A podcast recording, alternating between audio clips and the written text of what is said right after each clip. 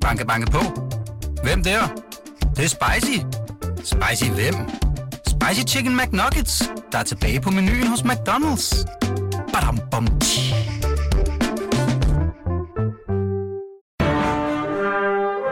Du lytter til Radio 24-7. Den originale taleradio. Velkommen til Huxi og det gode gamle folketing med Huxi Bak. Velkommen tilbage til anden time i programmet. Jeg har besøg af Preben Rutengård, Ole Sohn og Peter Vestermand, som alle har siddet inde for henholdsvis Venstre, Socialdemokraterne og SF. Øhm, vi har brugt den første time på at øh, vende øh, Morten Østergaard og Uffe Elbæk, to mænd med, med store planer, må vi sige. Øhm, nu skal vi til en kvinde, som også har store planer, men tror jeg godt, jeg kan sige, måske lidt smule mere pragmatiske store planer. Pernille Skipper, øh, leder af enhedslisten, eller hvad, hvad er det nu, de siger, politisk talskvinde, de øh, væger sig lidt mod, mod at kalde det leder af partiet, fordi sådan, man har en lidt mere flad struktur i enhedslisten. Men Pernille Skipper har været ude at sige, men hun er jo sådan set også statsministerkandidat. De stiller sig meget gerne i spidsen for et projekt, hvis mandaterne falder, således at de bliver størst, så skal hun med glæde tage den højeste taburet. Øh, men modsat Uffe Elbæk, har hun så også sagt, at øh, vi kommer aldrig nogensinde til at trække enhedslistens mandater ud af ligningen. Det var det, du var inde på i, i, i forrige mm-hmm. time, Ole. Øh, fordi, som hun siger, hvis man gør det, risikerer man indirekte at støtte Lars Løkke øh, Rasmussen, og samtidig totalt at miste sine mandaters indflydelse. Det ville for mig være at svigte de tusindvis af mennesker, 10.000 vis af mennesker står der faktisk, der stemmer på enhedslisten. Det vil vi aldrig gøre. Har vi her øh, at gøre med en kvinde, som faktisk har forstået spillet, Ole?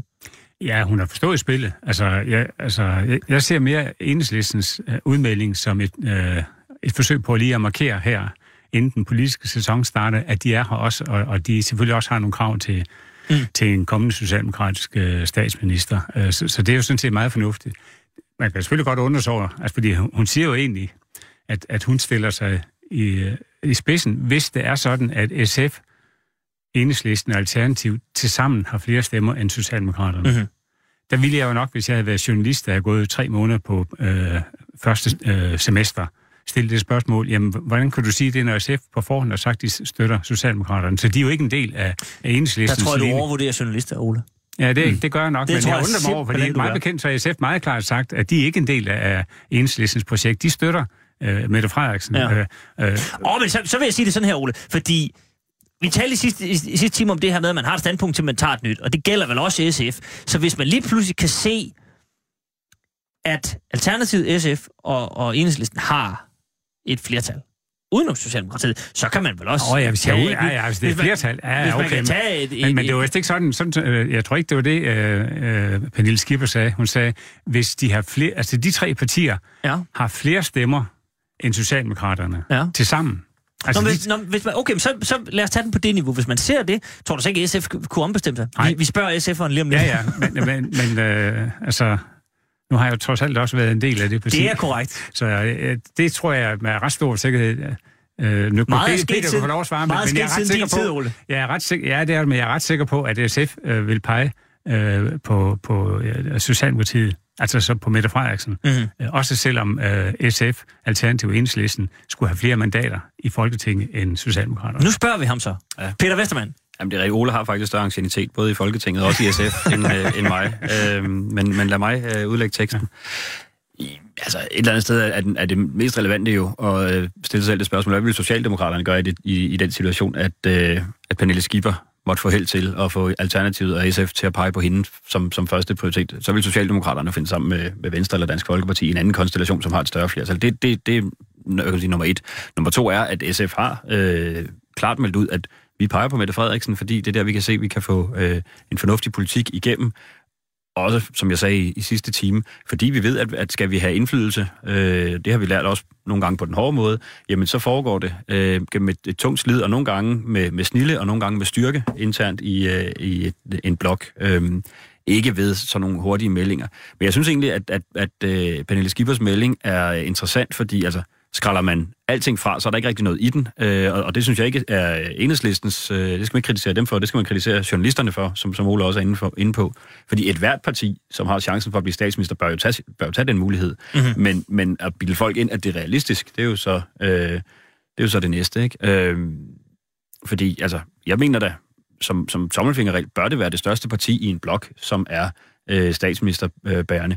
Det er det så ikke lige nu, faktisk. Det burde jo have været Dansk Folkeparti, der det er måske lidt et stort spring fra aldrig at have været i regering til at gå ind og blive statsministerparti, men så i det mindste gå i regering. Øh, men men, men øh, så, så, så på den måde er det jo en matematisk diskussion. Vi kan godt forestille os, som i øh, ja, tæt på at ske i Grækenland, øh, som det er sket i, eller som det er sket i Grækenland, som det er tæt på at ske i Spanien osv., at et parti til venstre for Socialdemokraterne faktisk bliver større end Socialdemokraterne. Og så er det jo en ny situation, men, men der er vi jo ikke i nærheden af. Nej, nej, så, så, så i, i 20-års perspektiv eller sådan noget, så er det en interessant diskussion, men i forhold til det næste valg, så er det øh, en, en lidt hurtig melding, som mm-hmm. måske øh, faktisk er en redningskrans til Alternativet.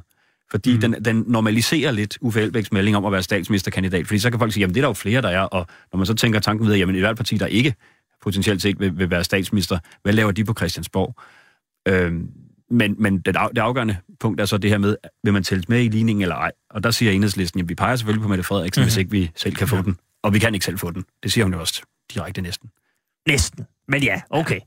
Så, så prøv, det, det er sådan set bare øh, en, en normaliseringsproces. Det er bare... Ja, men jeg er fuldstændig enig i Peters analyse af det her, nemlig at det er simpelthen for lige at fortælle alternativet, sådan er det. Det er og øh, altså, hun kan jo også godt tælle. Altså, det, der er jo mange kloge folk i, i enhedslisten også på forskellige måder. De kender det parlamentariske spil i modsætning til øh, alternativet. Så der er ingen tvivl om, den er lige gået ud der og så videre. Hun har jo ingen forventninger til at skulle være statsminister. Mm-hmm. Jeg tror simpelthen, det er bare lige, hallo, kære ven, nu er vi færdige med din ene gang og din... Så må jeg, må jeg stille en lidt mærkelig analogi? Altså i virkeligheden er det Uffe Elbæk, der har glemt at tage bukser på, og så tager, så tager alle bukserne af, og så er vi ligesom sådan normaliseret, så er der ikke nogen, der snakker mere om det. Ja, sådan kan du godt sætte er godt okay, godt. Det var det bedste, jeg kunne komme op med. Øh, men tegner det til gengæld også et billede af den her, Prem, du var inde på det også, en rodet blok. Der er, altså, der er rod, vi kan også snakke om, at der er rod i blå blok, men lad os lige holde den på, på rød blok. At der er jo rod i den blok. Altså, de kan ikke rigtig blive enige med hinanden, og øh, sådan. Der er ikke fælles fodslag på den måde. Det er vel også øh, et, et billede af, at alle sådan går og råber lidt om statsministerposter, det ene og det andet, og kan ikke rigtig finde ud af, og, og klimaplaner, øh, sådan på kryds og tværs, så er der to forskellige fra rød blok, fordi radikale ikke rigtig vil være med alligevel, og de vil ikke være venner med Socialdemokraterne, men måske vil de lidt alligevel. Nu hørte vi jo her i nyhederne, at Morten Østergaard lige så stille var ved at i hvert fald flette et reb til sig selv. øh, men, men, øh, Som han skulle fire sig ned med. Øh, det, er, det, det kan ja, ja, godt det, der var det, det er rigtigt. Det var, det var et redningsreb. Han hænger sig ikke i. Så, nej. øh, men, men, men, men er det ikke også lidt tegn på, på en rodet rød blok, Prem? Jamen, i det hele taget er det en rodet rød blok. Men det er da også en rodet blå blok. Altså nu har Lars jo på sidste sommergruppemøde sagt, sådan nu er der ro og mm. så videre, og nu venter vi med folketingsvalget. Det er altså, lad os nu lige se en finanslov her til efteråret, øh, før vi lægger os fuldstændig fast på, hvornår. Og regionernes skæbne, og der er meget at se til. Der er så meget her, men det, altså jeg rent ikke med min alder og alt muligt, og også min tid i Folketinget og i dansk politik, et så rodet folketing op til folketingsvalg, som både i den ene blok og i den anden blok. Jeg må nok sige, at Alternativet, de forstår rigtigt at rode rundt i gryden, så det bliver sådan en forvirring. Mm-hmm. Øh, og jeg ved da også fra mit eget parti, at man er da heller ikke helt tryg ved eksempelvis Liberal Alliance, og hvor står Nå. Dansk og hvor står Dansk Folkeparti? Der er også rod over hos os, mm-hmm. for at være helt ærlig. Ja. Men nu har statsministeren trods alt meldt ud, hvad der var en lille smule forvirring om, men at man går til valg som samlet regering. Altså, der var jo sådan en lille smule rummel omkring, om, Ja. om Liberal Alliance pludselig, at, at så måtte man splindre, så alle tre partier gik til valg hver for sig. Men nu er man trods alt landet på en, en VLAG-regering, der går til valg. Jamen, det kan du nemt gøre ved at bare love dem nogle ministerbiler, så har rettet de ind. Altså Liberal Ja, Alliance. Ja, det, det er måske en del af svaret. Men, men, men, men øh, statsministeren har jo ikke noget alternativ. Nej, nej, det er rigtigt, men det var da også derfor, det var så mærkværdigt, at der var sådan, pludselig var lidt rummel. Jo, jo, men man kan sige, at hvis statsministeren på, at hvis Lars Løkke på, på Venstres sommergruppemøde sagde, vi går til valg på en anden konstellation end den, der er i dag. Som et partiregering. Mindretalsregering. Ja. så vil der være blive valgt nu, her i efteråret. Mm. Fordi det, så, så er det klart, at, så ved, så ved uh, Liberale Alliance, og måske også hvis det der så var en, en, en ren venstreregering, så vil konservative også begynde at agere anderledes, end de gør som en del af en regering. Så man kan sige, da... Jo, altså, for det er jo at sige, jeg tror ikke på det projekt, vi har, vi har kørende lige nu. Præcis. Og derfor så en, en statsminister vil som hovedregel altid sige, at den konstellation, som en regering består af, den går man til valg på. Mhm. Mm-hmm. Det, er det, øh, det er den ene forudsætning, han har for at kunne fortsætte. Den anden, det er, at, øh, at en statsminister må gerne lyve om, hvornår valget kommer. Det er rigtigt. Fordi hvis han siger, at, øh, at det, jamen, det kommer måske her i efteråret, jamen, altså, Oh. på det, altså, på, altså, på det tidspunkt, hvor han skal være usikker om, hvornår det kommer, så er der valgkamp. Ja. Og man kan sige, nu er vi så tæt på, at det skal være der. Så valgkampen er jo reelt startet. Ja, det vil jeg også sige. Og der er et tidspunkt, hvor han ikke kan holde valget, øh, hvis han tænker sig om. Og det tror jeg, han gør. Det er i juni næste år, fordi der skal der være valg til Europaparlamentet. Nej, det er faktisk i maj.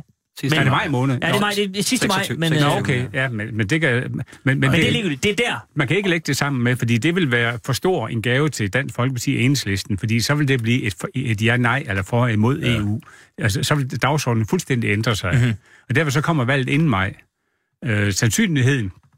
Altså, der er to muligheder. Og vel heller ikke for tæt på, fordi så går der... Ja, men jeg vil sige, i min optik, så er der to muligheder. Øh, Regeringen kan enten komme med et øh, finanslovsudspil, og det sidste finanslovsudspil før et valg er oftest en art gavebod. Der er ikke så mange tisler i. Altså, det bekræftede Henning Dyrmose i sidste uge, Ja. Øh, og at det er en gavebåd. det er en gavebod. Og, og så kan regeringen vælge at sige, jamen nu har vi lagt vores bud frem, og det vil vi gerne høre vælgernes øh, vurdering af. Det er den, det er den ene øh, model.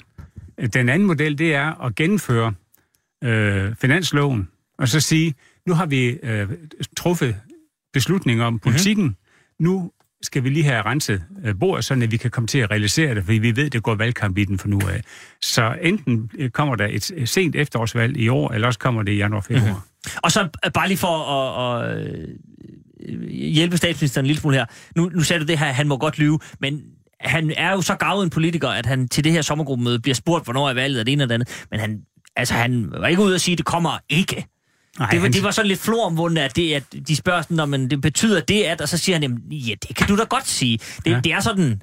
Ja, han er ikke... Han snor sig. Ja, altså han, han gør det... Altså han kan ikke gøre andet. Nej, nej, altså, det, det, det er fuldstændig rigtigt. For ellers så er der nemlig valg, som ja. Ja. du siger. Nå, øh, vi lader øh, Pernille Skipper og Lars Løkke og, og resten... Eller mindre, havde du en kommentar, Peter, helt Ja, hurtigt? det er en principiel kommentar om, at øh, nu snakker vi om juniorministre, som de har i Sverige. Altså, jeg synes, vi skulle have, ligesom i Sverige, at vi har en, øh, en fast valgdato. Fordi så slipper Lars Løkke også for at skulle sidde øh, og, og, og sno sig på den måde, som, som han gjorde Mhm. mm-hmm. der. Fordi i Danmark, der bliver alt fastlåst, øh, i hvert fald det sidste år op til et valg, øh, i, i, i ren øh, ja, valgkamp. Og så vil jeg sige, at jeg havde faktisk sat øh, penge på, at han øh, kommer med det her i efteråret, så jeg sætter min hat på, at det er spændende det der. Ej, jeg, ja, altså man, man kan godt, altså jeg, jeg, kan sagtens følge ideen med at have en fast øh, valgdato, men jeg er ikke sikker på, at man undgår en valgkamp. Altså fordi Sverige har været valgkamp i de sidste tre kvart år. Mm. Øh, altså, så det kan Ja, være... det, altså det er, man har det jo også i USA, at man ligesom de er valgt hver, hver fjerde år, men så har man det her øh, udtryk med, at, at præsidenten det sidste år, måske to år, fra midtvejsvalget inden sidste øh, tur, da de to år er en såkaldt lame duck. Mm. Det kommer man vel heller ikke... Øh, Nej, det er der jo nogle af os, der har ment, at Lars Lykkes regering har set ud til at være et, et stykke tid. Altså, han var nødt til at ommøblere den for overhovedet at, at kunne holde sammen på, på et flertal. Ikke? Øhm, og, og hvad de har fået igennem, er ikke imponerende. Øh, så, så jeg synes godt, man kan, man kan lave den analogi og sige, at vi har lidt haft en lame dog-regering øh, på det sidste. Nu kommer der nogle udspil her efter, og det kan være, at de genvinder momentum med en sundhedsudspil osv. Det er spændende at se. Det tror jeg øvrigt også var et afsæt til, til en folketingsvalgkamp. Det skulle være kommet i foråret, og så med et meget lille fineblad om, at de ikke lige kunne nå det på grund af overenskomstforhandlingerne, øh, så, så skød de det til efteråret. Mm-hmm. Det tror jeg øh, et valgoplæg, og jeg tror, at finanslovsudspillet er, et, er et valgoplæg. Og så kan man sige, at det er rigtigt, Sverige har været i valgkamp et års tid måske, øh, men, men så er man i hvert fald tre år friholdt til at lave politik. Ja, ja, det kan du sige. Okay, og det er, det, det er trods alt noget. Ja. Godt, jamen øh, vi, øh, vi holder selvfølgelig øjne og ører åbne og holder øje med, hvad der sker. Øh, hvis man lige har tændt sin radio, så er det her Radio 24 Du lytter til det gode gamle Folketing. Jeg har besøgt Peter Vestermand, Ole Sohn og Preben Rudengård. Og øh, jeg tror faktisk, at øh, da I ankom her på radioen, sagde jeg goddag til jer alle sammen og gav jer hånden. Ja. Nu skal vi nemlig diskutere et lille... Og det, det, altså, det, er jo, det er en svær snak, vi skal have nu. For jeg kan ikke rigtig finde ud af, om det er en principiel snak, eller om det er øh, unødig snak, eller hvad det er for noget. Det handler om øh, statsborgerskab. For nylig blev der... Øh, ja, i juni måned blev der lavet en ny aftale om at stramme kraven for dansk statsborgerskab. Jeg tror også, vi vendte den et par gange her i, øh, i programmet. Socialdemokraterne, Dansk Folkeparti og regeringen indgik den her øh, aftale, bred aftale, hen over midten, Ole. Så den er god nok. Øh, men nu er Dansk Folkeparti og Konservative så ude at sige, at øh, der er en ceremoni, når man bliver dansk statsborger. Og ved den ceremoni, der kræver øh, Nasser Carter blandt andet, at man som ny dansk statsborger altså giver hånd, trykker på næven simpelthen. Et godt dansk fast håndtryk. Men der er øh, mennesker, primært muslimske øh, medborgere, som siger, at det er simpelthen imod vores øh, skik, det er imod vores religion. Vi giver ikke hånd på tværs af køn. Øh, men det siger Nasser Carter og Dansk Folkeparti, at jamen det skal man. Og hvis ikke man vil give hånd til den her ceremoni, så er der ikke noget statsborgerskab. Preben går, hvad... Altså, nu... Skal vi stå op eller falde ned på det her? Ja, men altså det, der er vigtigst for mig, er altså, jeg er jo bedøvende glad, om man giver hånd eller ej. Jeg kender der også nogen i min tid. Jeg må da sige, som gammel læge, jeg gik da heller ikke og gav hånd til alle mulige. Jeg gjorde måske sådan der, fordi det er den bedste måde at smitte overføre på. øh, så klog og, klog og skade, siger og, lægen. Og give hånd. At man skal faktisk overhovedet og ikke give derfor hånd. må jeg sige, men det principielle i det her, mm-hmm. det er jo, at når du er dansk statsborger, så har vi nogle værdier i Danmark. Forskellige værdier, som øh, er det at være dansk, som frihed og øh, demokrati og ligestilling og sådan nogle ting. Og det er vigtigt, fordi hvis de skal være dansk statsborger, så skal de leve op til det der. Altså i bund og grund, at jeg skulle lige glad om det. Og jeg læste i politikken på vej herover, og det var din formand, øh, Mette Frederiksen, og det var netop om det der med at give hånd, og så siger hun, jeg vil ikke give hånd til sådan en, en slatten en som Dansk Folkeparti. Nej, når de kommer til mig, så skal de have en krammer og øh, så er du endnu mere, fordi det gør vi jo også. Jeg går også og krammer, det gjorde jeg også med øh, Jacqueline her, da jeg kom. Og sådan ja, er det producer. min adfærd ja. at, at gøre det på, og sådan. Og det er en del af mig. Men altså, jeg kan ikke tænde på, om man giver hånd eller ej. Men jeg forlanger, at når det bliver danske statsborger, så lever man op til det danske værdisæt. Mm-hmm om det er at give hånd. Men man skriver jo under på alt muligt. Det, det nye i det her er jo, at man skal skrive under på, at man lever op, at man respekterer demokratiet osv. Ja, osv. Ja. Men det er, bare, det, det er mere om det, om det her, Ole Sohn, den her, det her håndtryk. Altså, er det en dansk værdi? Jeg er også enig med, med, med Preben, der er jo nogle danske værdier, og der er sgu også noget underligt i, at man siger, jamen, jeg giver ikke hånd til, andre, til mænd, eller jeg giver ikke hånd til nogen kvinder. Det, for det, det er jo fuldstændig imod den ligestillingstanke, vi har herhjemme. Men på den anden side er det jo også, jamen, so what, altså? Ja, øh, men jeg tror, når man kommer hertil, så, øh, så, så går det begge veje. Mm-hmm. Altså, nu læste jeg, jeg kan ikke huske, hvilken avis, men øh, den meget ofte omtalte imam fra Grimhøjmoskeen, det er rigtigt. Ja, som sagde, at det er imod vores skik at gøre det. Ja, men det er så sandelig også imod danskernes skik ikke at give hånd. Det er da uhøfligt ikke at give hånd. Mm-hmm. Altså, så, altså, så øh, hvem skal respektere hvem? Skal vi respektere øh, nogen, som ikke vil leve op til de øh, værdier, vi har? Om, altså personligt er jeg, kan jeg ikke hisse mig op over, ligesom Preben. Men jeg kan godt forstå, at debatten kommer. Mm-hmm. Fordi altså, øh, at det her, her i sommer har der også været en, en længere debat i, øh, eller artikelserie i Banske Tidene om, om øh, muslimske mænd, som øh, lader sig skille efter danske regler og gifter sig med en anden, sådan at der selvfølgelig også er en masse sociale ydelser i det. Men den stakkels kvinde, som er blevet skilt øh, øh, efter den danske lovgivning, bliver ikke skilt efter muslimske regler. Mm. Så, så hun er fuldstændig øh, låst. Hun kan ikke gifte sig med en anden, hun kan ikke gøre noget som helst.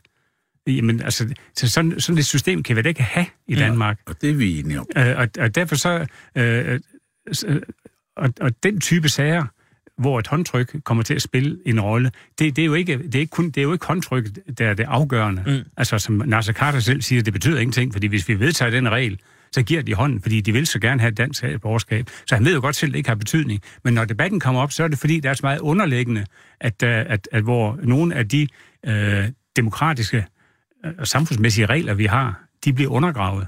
Og det gør de bevidst. Mm-hmm. Og, og det er jo... Et, og, og der kan man sige, at de få muslimer, som gør det, ødelægger det jo for de mange. Fordi de regler, vi så laver, de, de rammer jo ikke kun de få øh, fanatikere, der er, men de rammer alle. Mm-hmm. Jamen, det er vel det, der er problemet ved den her debat, at, at øh, det er rigtigt nok, håndtrykket betyder ikke så meget, fordi så, så gør man det, eller tager en handske på, eller et eller andet. Man kan, der er jo alle mulige måder at, at, at komme ud over det. Men kan man så sige, at de værdier, vi har, måske bliver eroderet en lille smule ved, at det så er os, der siger, så skal det pine død gennemføres. Vi vil manifestere vores værdier i det håndtryk. Men, altså, ja, altså, det, er jo det, det er jo det, der sker, men, men jeg ikke, altså, vi får jo ikke en bedre integration af, at, uh, at vi uh, altså, laver den der uh, type signal mm. uh, beslutninger. Altså, uh, muslimer bliver ikke mere integreret eller mere respektfulde over for Danmark, hvis vi tænker dem til at give hånd. Der, der, der er der andre ting, der skal til. Jeg synes bestemt, vi skal stille nogle regler. Altså, jeg synes, altså noget af det, altså meget af det, øh, øh, svindel og undergravning, at øh, vi ser, det er alvorligt, og det skal vi gøre op med. Øh, og, vi, og vi skal under ingen omstændigheder respektere religiøse regler, stå over øh, danske. Øh, der mener jeg, der skal der, altså, det, det kan jeg slet, slet ikke acceptere. Øh, og, og der må man finde en eller anden form, hvor, hvor man får det stoppet. Det andet, det synes jeg er lidt mere symbolsk. Mm. Det, altså, jeg bliver også fornærmet, hvis der er nogen, der ikke vil give mig hånd. Altså, øh, jeg har ikke oplevet det nu, men, men jeg kan sagtens forestille mig, hvis jeg kommer og skal snakke med mennesker, og, og vil gerne vise min, min øh, venlighed og, og give hånd, og så bliver jeg mødt med en, der ikke giver mig hånd, så vil jeg godt nok blive fornærmet. Mm-hmm. Peter Vestermann? Jamen, jeg synes også, den er... Øh det er jo signalpolitik, det her, som, som Ole er inde på. Øhm, altså, vi har den, i, jeg sidder i regionsrådet i, i hovedstaden, der har vi den tradition, at man går rundt og hilser pænt på hinanden inden hvert møde. Vi skal til møde i aften, så kommer jeg til at gå rundt og trykke 40 andre regionsrådsmedlemmer i hånden, og sikkert også nogen fra administrationen, og vi siger goddag, og, og så føler vi alle sammen, at vi er ligeværdige, og vi kan øh, indlede et, et godt møde, og det er sådan, vi er vant til at gøre det på. Der er også folk, øh, der, der er muslimer der. Men Ja, jeg synes også, det er lidt øh, bøvlet, fordi jeg har lidt uh, trykfølelse om psoriasis, så så mange håndtryk kan godt være irriterende faktisk, men uh, der, er, der er lidt på Prebens side, at man kan godt uh, lave mere effektive måder at gøre det på og vise sin respekt. Men det er vel, men det er vel også det, altså, man kan også godt sige, at jeg har brækket hånden, så, må man, ja, ja. så der, der er jo selvfølgelig undtagelser, det er klart. Men, men, men som Preben også er inde på, altså, øh, så, er der, så er der vores, øh, vores kulturelle koder omkring, hvem krammer man eller ej. Altså, det, det er meget almindeligt, at man krammer på tværs af køn i Danmark, men, men mænd krammer ikke så meget mænd, i hvert fald, så skal de kende hinanden. Øh, der, der giver vi mere hånd og sådan. Og, og, og hvordan, altså, er det noget, vi skal til at lovgive om? Og sådan? Det synes jeg er, er, er lidt øh, mystisk. Og synes jeg sådan rent symbolsk, når nu vi er inde i, i symbolpolitikken. Den her ceremoni, hvor der står en repræsentant for det officielle Danmark, det kan være en borgmester eller et folketingsmedlem, jeg ved faktisk ikke, hvem det er ellers, men, øh, men, men som skal give hånden til den her nye statsborger, jamen håndtrykket symboliserer jo velkommen.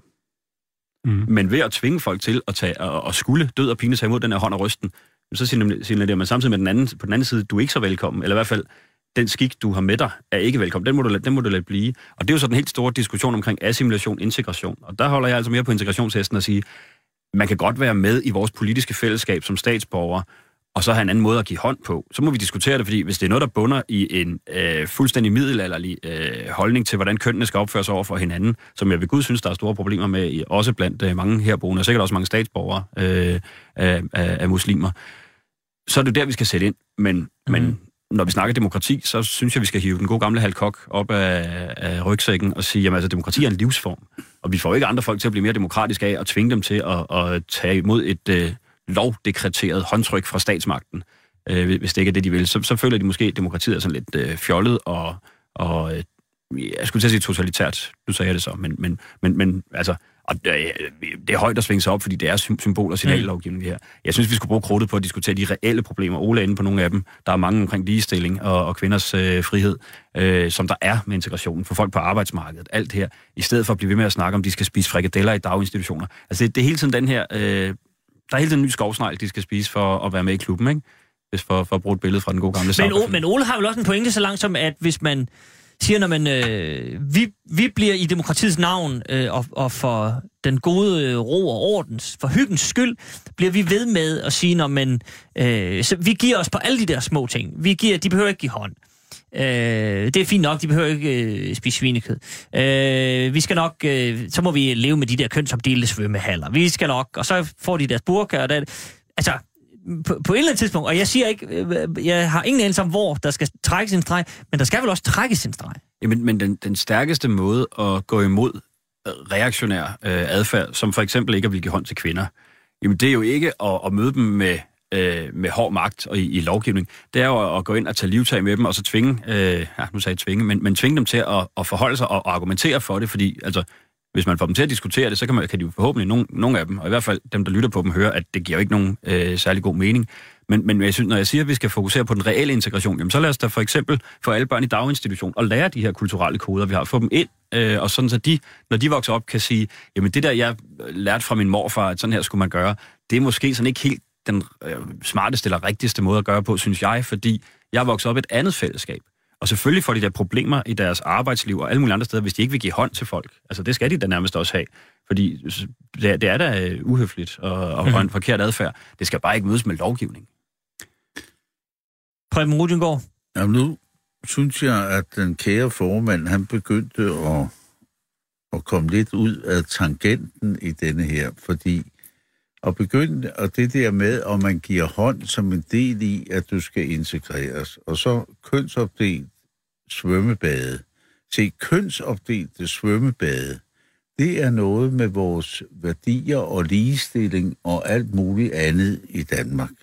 Og der skal det være således, at det vil vi simpelthen ikke finde os i, fordi det er en del af det at være dansker. Men at give hånd, jamen der er der også nogen, jeg ikke giver hånd, så lader jeg som om, jeg ikke ser dem, fordi de interesserer mig ikke. Så, altså, men Preben, vil det jeg- kan man jo ikke til sådan en ceremoni. det vil jeg det vil ikke virke mærkværdigt. til. Og jeg kan bare sige, jeg var til byrådsmøde i går i Esbjerg Byråd, og vi har en, der hedder Musa. Han er fra Etiopien, han er Ja. muslim. Verdens sødeste, flinkeste fyr. Jeg har kendt ham i mange år, og det første, han kommer, det er, hej Preben, og giver hånd, og jeg giver selvfølgelig ham hånd. Og men. Preben, men så, så, så må jeg jo bare lige øh, informere dig, det er, jo, det er jo på tværs af kønnene. Det er, jo, det er jo sådan set også, kan man godt argumentere for Ja, en men han giver også hånd til kvinderne og så Jamen, jeg videre. tror mere, det er muslimske kvinder, der ikke giver hånd til mænd. integreret og klarer sig flot og alt muligt andet. Og det håber jeg også, men det er ikke ved at sige, at den dag, du skriver under, skal du give hånden der. Jeg synes, vi er helt ude i ekstrem. Mhm. Altså, man, man, altså, der, hvor, hvor jeg synes, det kommer over, det er, at, at når vi snakker om det, så accepterer vi, at imamen for Grimhøj, han ligesom definerer, hvad muslimer gør. Mm. Fordi langt, langt de fleste muslimer, de er jo integreret og giver hånd og giver knus og kram, og jeg ved ikke hvad.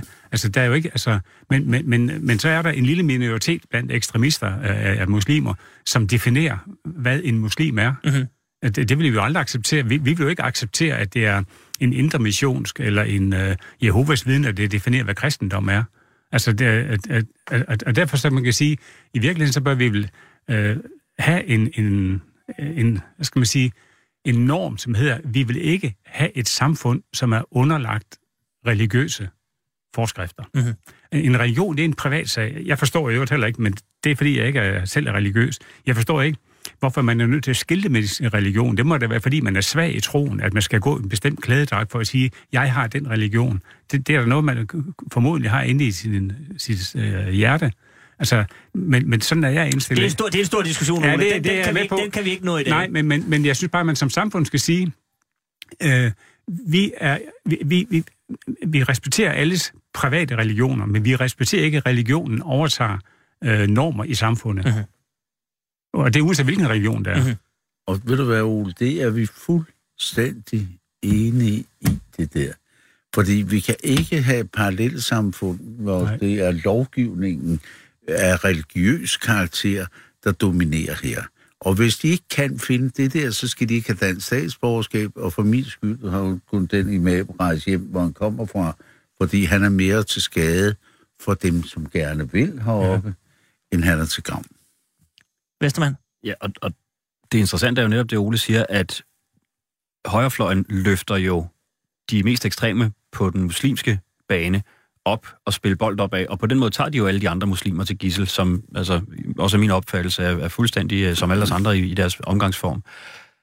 Og det er der, jeg siger, jeg, jeg tror ikke på, at måden, vi kommer af med de her parallelsamfund, som vi, øh, hvis alle tre er meget optaget af, at vi skal af med, jeg tror bare ikke, at det er ved at blive ved med at, at holde den her polariserede politiske diskussion om at finde et ny lille ting op fra øh, nogle ekstremisters, øh, eller i hvert fald fundamentalisters tolkning af islam, og så lægge den ned over alle andre.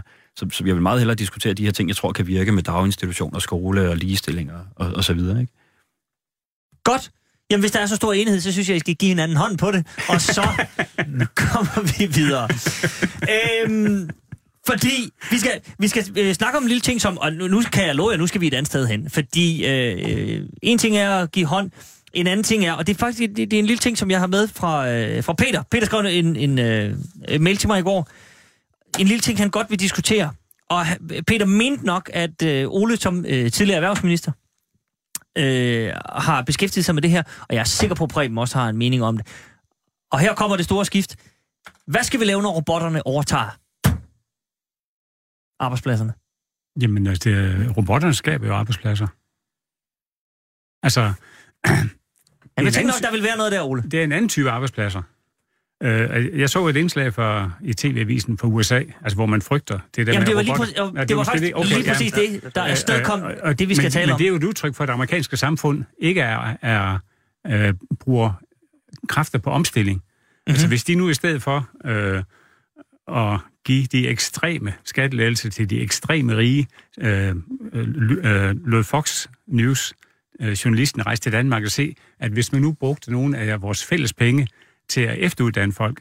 Så de folk, der bliver arbejdsløse, af, at der er en robot, der tager øh, noget rutinearbejde, bliver omskolet til andre typer job. Mhm. Mm-hmm. Et godt eksempel, nu kan jeg ikke huske, hvad fabrikken hedder, men øh, øh, en fabrik i Danmark, som laver fugtsvand, altså save, Ja øh, de på, øh, for år tilbage flyttede deres produktion til Kina, fordi det var meget billigere.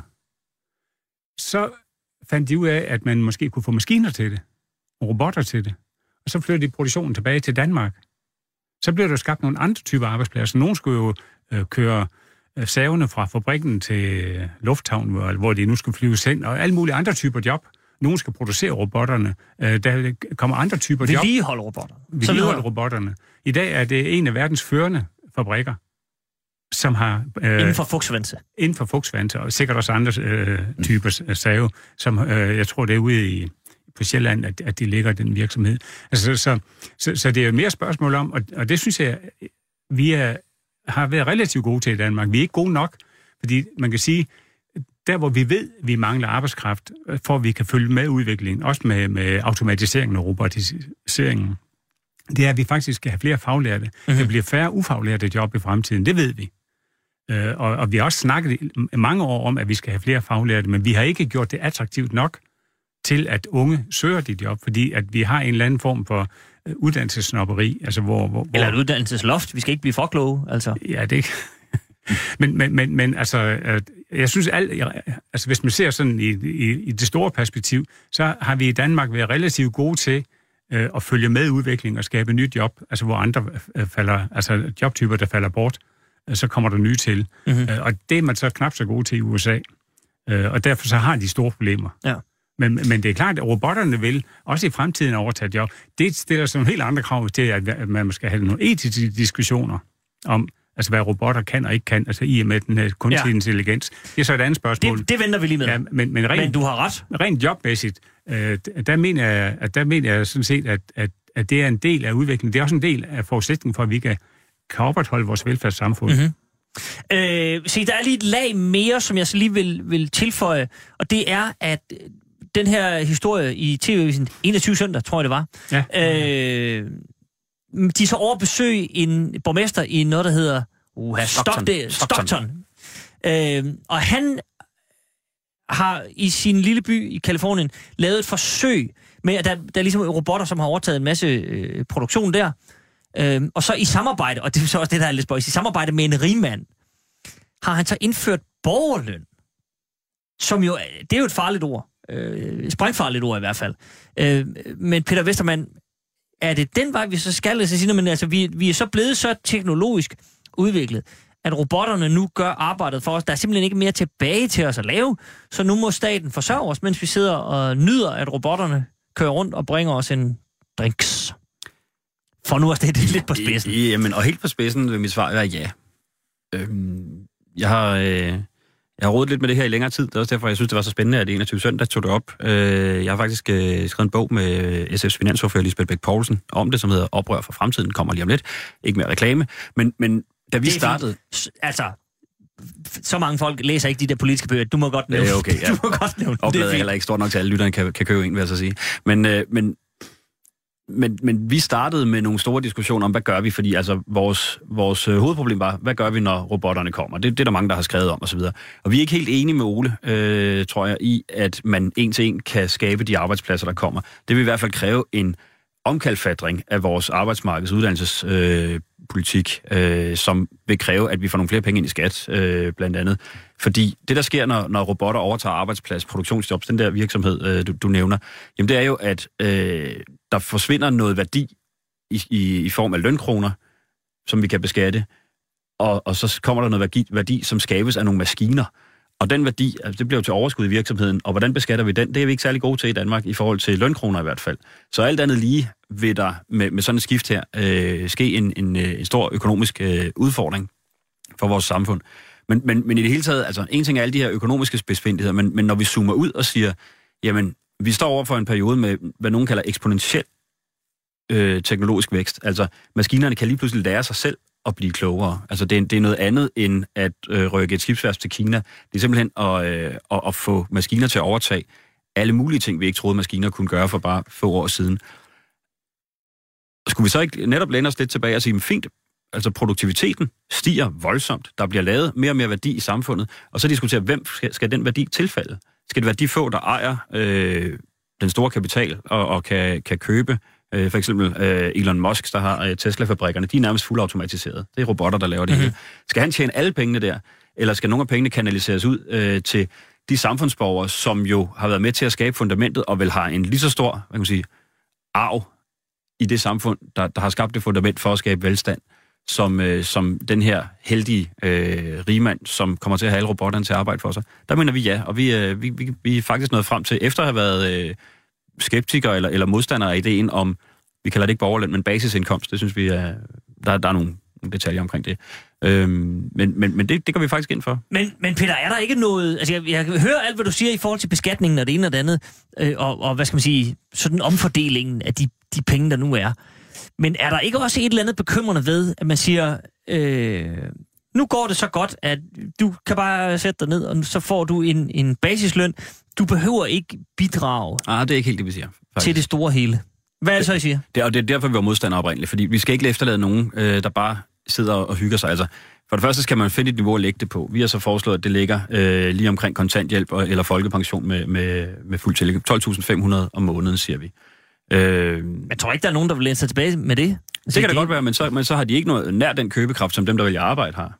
Altså, der, så, så, så vil de ligesom have haft valget, i stedet for i dag at blive tvunget igennem et arbejdsløshedssystem, øh, som øh, dokumenteret er med til at, at nedbryde folk, i stedet for at, at øge deres øh, muligheder for at komme på arbejde. Der er simpelthen mange, der, der får stress, angst og depression af at være mm-hmm. i mhm. beskæftigelsescirkuset.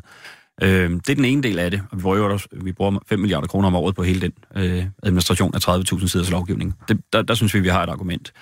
Øh, men, men det næste er at sige, jamen, hvis vi har den her massive produktivitet, skal vi så ikke prøve at tage en diskussion om, hvorfor er det egentlig, vi lever? Er det for at gå på arbejde, eller er det for at realisere mange af de forskellige ting, vi vil? Blandt andet arbejde. Vi har sådan set et, et positivt syn på mennesker, at vi vil gerne skabe noget, være med i noget.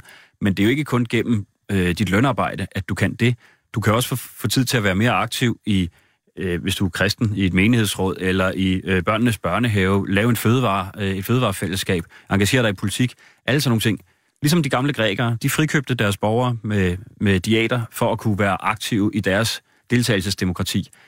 vi går ikke hele skridtet til, til græsk demokrati og græske tilstand, men, men sige, jamen, hvis maskinerne laver alt det nødvendige, skulle vi så ikke blive lidt mere fri til at gøre det, vi i virkeligheden gerne vil have noget mere af? Men, men, Ja, øh, Preben.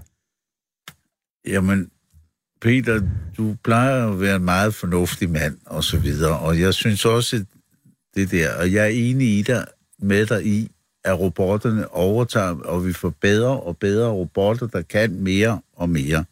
Og så har vi mennesket ved siden af. Og jeg synes, at den måde, du siger, så kan mennesket bare sidde derude. Og jeg er dybt bekymret for det vegeterende menneske.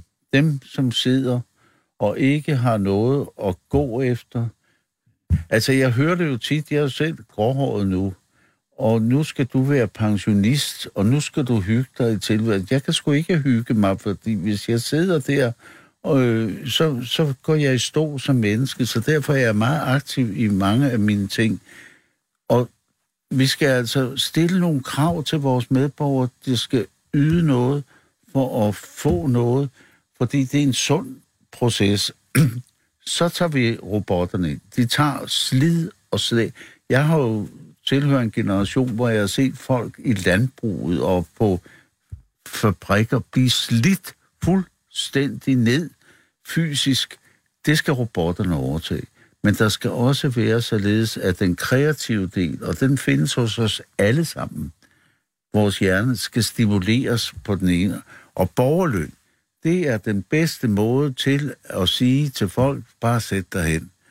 Og så, øh, jeg sidder i Sundhed og Omsorg i Esbjerg Kommune udvalget, og jeg kunne da godt tænke mig, at vores hjemmehjælpere, vores hjemmepleje, fik nogle robotter til at tage det der slid, hvor de skal fare rundt øh, i folks hjem. Og så kunne vi jo bruge tiden til, at de havde tid til at holde i hånd, snakke med de ældre, gå en tur med dem på gaden, købe ind og så videre. Det er jo det, vi skal bruge det til, og ikke at vi sidder vegeterende og, og, og glor og får borgerløn og ser fjernsyn fra morgen til aften. Så bliver vi dumme. Men jeg vil sige, ja. altså, jeg, der, er- altså, mekanikken i samfundet er, er ikke sådan, at når robotterne kommer, så sker der ikke noget. Altså, så, så bliver mennesker overflødige. Så udvikles der nye arbejdspladser. Så i virkeligheden, så bør man jo øh, understøtte øh, iværksætteri mere, end vi gør i dag. At det kommer nye virksomhedstyper. Nu nævnte jeg det her med, med skibværfterne, som flyttede til Asien primært. Øh, Jeg kan huske, da jeg var erhvervsminister, der var vi var jeg i Sydkorea øh, i forbindelse med øh, en, et erhvervsfremstød, og det var på det tidspunkt, hvor øh, Mærsks øh, nye, på det tidspunkt største skibe, ja, det er sikkert overgået nu, øh, øh, skulle i gang sættes.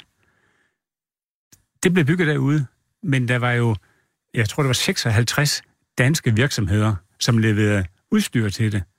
I dag bygger vi ikke skrove til skibe i Danmark, men vi laver radarudstyr, vi laver alt muligt øh, øh, fintech, som er ombord på skibene. Så man kan sige, at det blå Danmarks beskæftigelse i det blå Danmark er flyttet fra værfternes blå kedler, eller kedeldragter, øh, ind øh, til andre typer job, hvor der også bliver øvrigt bruges maskinarbejder og, og, og smede øh, og teknikere.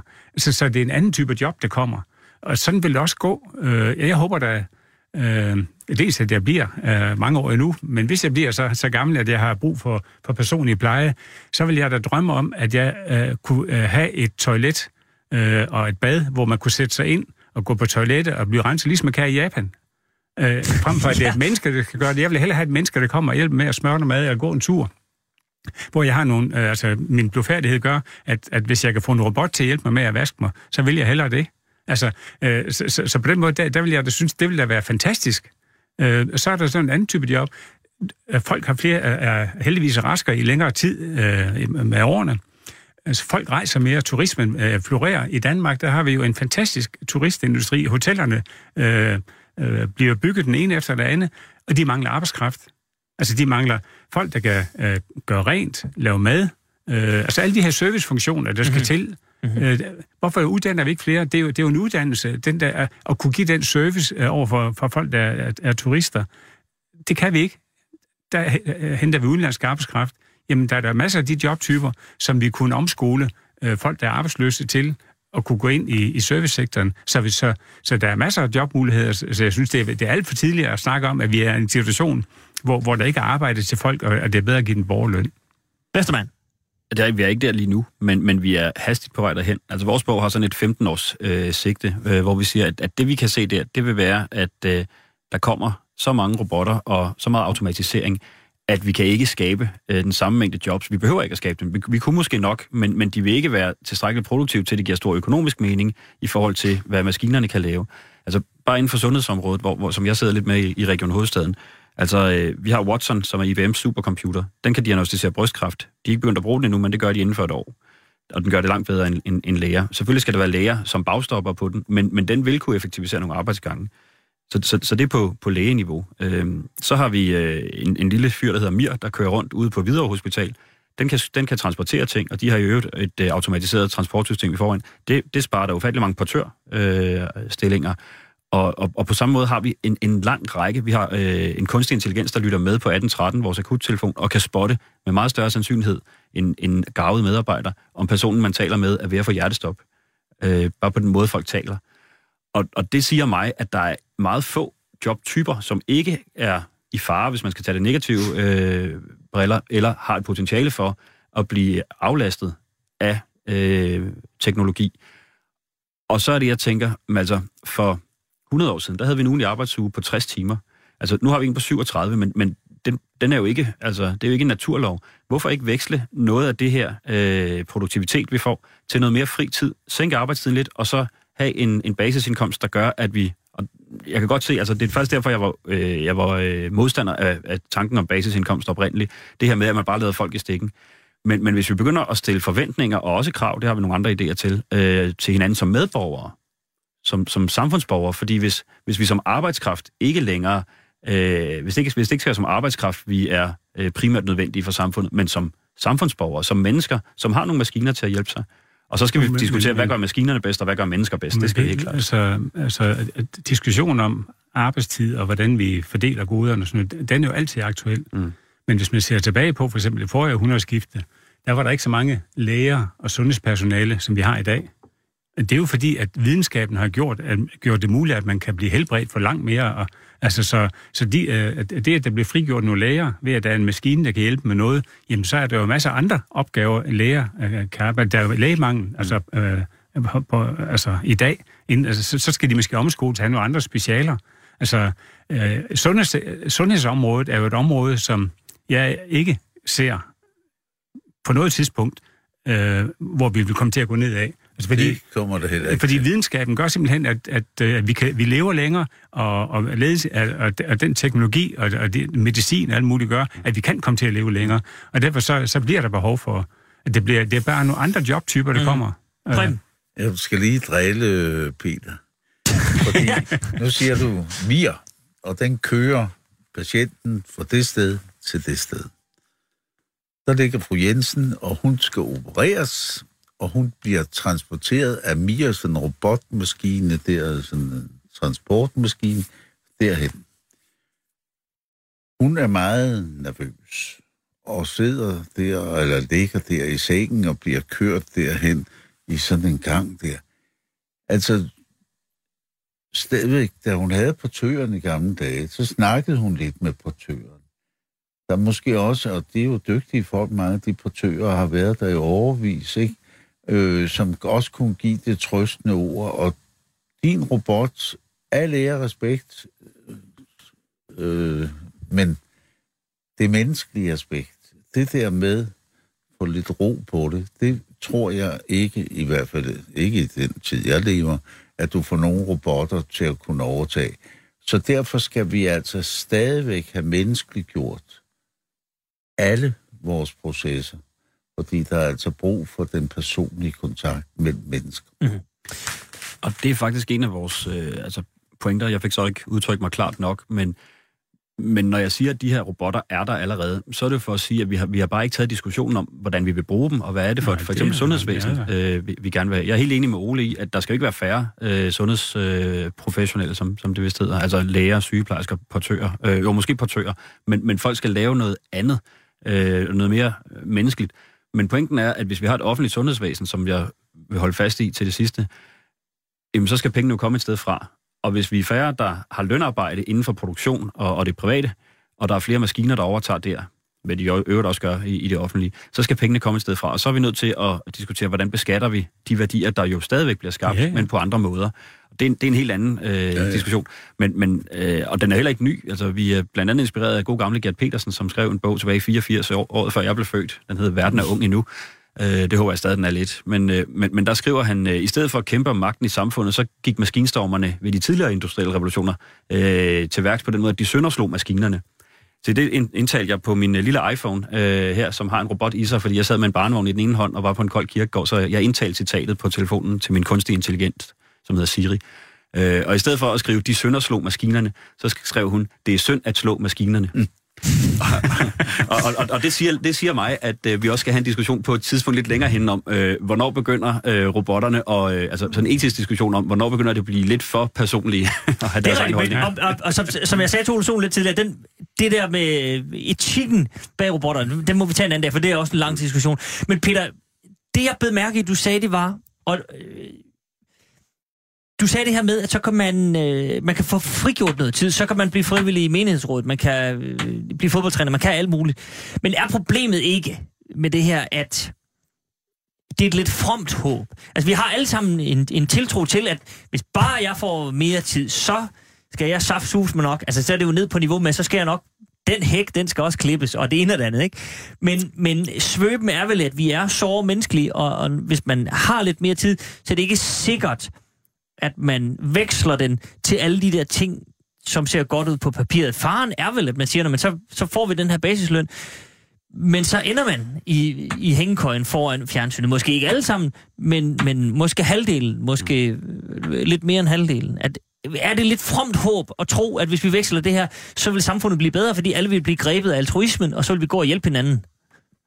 Altså, forudsætningerne for det ideale samfund, du lige øh, skitserede der, vil jo være større, øh, hvis vi har bedre tid. Altså lige nu har vi øh, en stressepidemi, øh, hvor ufattelig mange, især unge mennesker, bliver ramt af, af symptomer af, af stress, angst og depression, og nogle også øh, får det rigtig hårdt. Og det skyldes enten, at man har for travlt, laver for meget, eller at man laver alt for lidt. Og der er jeg sådan set enig med, med Preben det er jo ikke det vegeterende menneske, øh, vi skal have, dem der bare går i stå. Langtidsledighed er noget af det farligste, øh, man, man kan udsætte et menneske for. Det der med ikke at føle, at man er en del af noget, og man er, er, er nødvendig. Men vi er bare nødt til at tage en diskussion om, er det lønarbejdet, der er den eneste mulighed for at være en del af et fællesskab og være nødvendig og kunne bidrage med noget værdi, også økonomisk set i virkeligheden? Eller, øh, eller er der andre måder at tænke det på, når nu øh, maskiner øh, kan, kan overtage øh, så meget andet? Men det er klart, at vi er nødt til at have, altså det kan ikke kun være en industriel revolution, det skal også være en, en demokratisk, så at sige, hvor vi bringer hinanden i spil på en, på en helt anden måde, øh, hvor vi øh, kan være aktive lokalt øh, i at, at træffe beslutninger, men også i at, at hjælpe hinanden på, på kryds og tværs, deleøkonomi og, og alle de her ting, viser jo, at vi vil gerne hinanden, og vi vil egentlig gerne grundlæggende en, en anderledes og, og mere menneskelig og klimaøkologisk bæredygtig øh, tilværelse. Og det tror jeg, at vi får bedre forudsætninger for, end, end i dag, hvor der er, er nogen, især også børnefamilier, der synes, vi har alt for travlt. Preben, hvad siger du? Altså, er, er det fromt at håbe på det? Øh, som læge har du været i kontakt med et bredt udsnit af mennesker.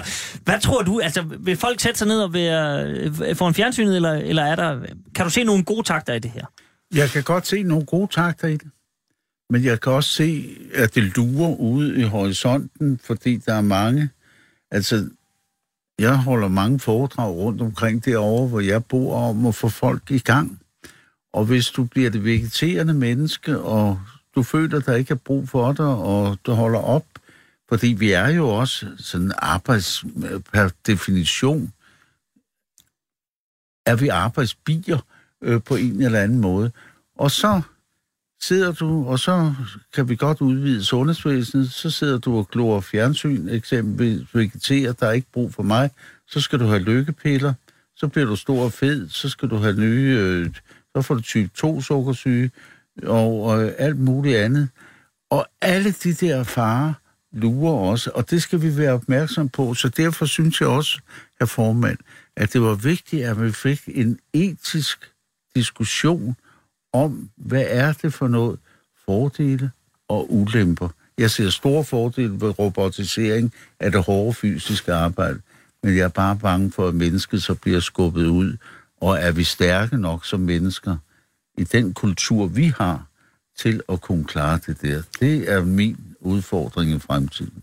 Jeg, altså, inspireret af, af Peters uh, input her, så vil jeg sige, at, at hvis man starter med at tage, se på øh, beskatningen, altså skattepolitikken, uddannelsespolitikken, hvordan får vi uddannet nye generationer, efteruddannet voksne generationerne, øh, og så ser på den måde, som vores øh, beskæftigelsespolitik, jobcentrene fungerer på, så er der masser af opgaver, man kan tage fat på nu, for at tilpasse sig den nye udvikling. Godt. Lad det blive det sidste ord, og så vil jeg fælde den dom. Øh, meget kan man sige om programmet, men vegeterende har vi ikke været de sidste to timer. Tak til Preben Rudegård, tak til Ole Sol, tak til Peter Vestermann. Vi er tilbage i næste uge. Tak for nu. Banke, banke på. Hvem der? Det, det er spicy. Spicy hvem? Spicy Chicken McNuggets, der er tilbage på menuen hos McDonald's. Badum, bom, tji.